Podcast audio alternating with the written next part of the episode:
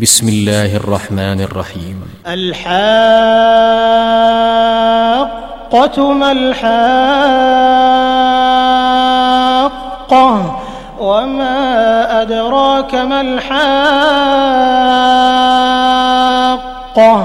كذبت ثمود وعاد بالقارعة فأما ثمود فأهلكوا بالطاغية وأما عاد فأهلكوا بريح صرصر عاتية. سخرها عليهم سبع ليال وثمانية أيام حسوما فترى القوم فيها صرعا كأنهم أعجاز نخل خاوية.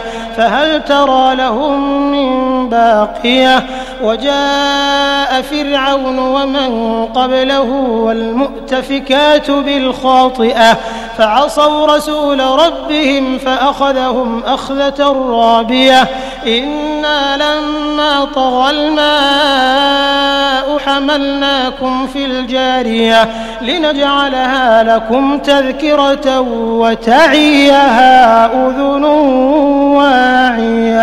فإذا نفخ في الصور نفخة واحدة وحملت الأرض والجبال فدكتا دكة واحدة فيومئذ وقعت الواقعة وانشقت السماء فهي يومئذ واهية والملك على أرجائها ويحمل عرش ربك فوقهم يومئذ ثمانية يومئذ تعرضون لا تخفى منكم خافية يومئذ تعرضون لا تخفى منكم خافية فأما من أوتي كتابه بيمينه فيقول هاؤم اقرءوا كتابيه.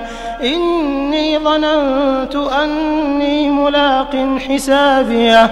فهو في عيشة راضية في جنة عالية قطوفها دانية.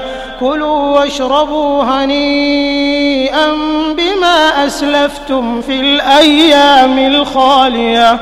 وأما من أوتي كتابه بشماله وأما من أوتي كتابه بشماله فيقول يا ليتني لم أوت كتابيه ولم أدر ما حسابيه يا ليتها كانت القاضية ما أغنى عني ماليه ما أغنى عني ماليه هلك عني سلطانيه خذوه فغلوه خذوه فغلوه ثم الجحيم صلوه ثم في سلسلة ذرعها سبعون ذراعا فاسلكوه إنه كان لا يؤمن بالله العظيم ولا يحض على طعام المسكين.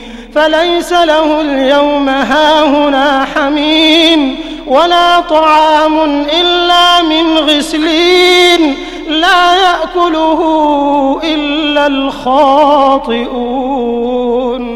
فلا أقسم بما تبصرون وما لا تبصرون. إنه لقول رسول كريم. وما هو بقول شاعر.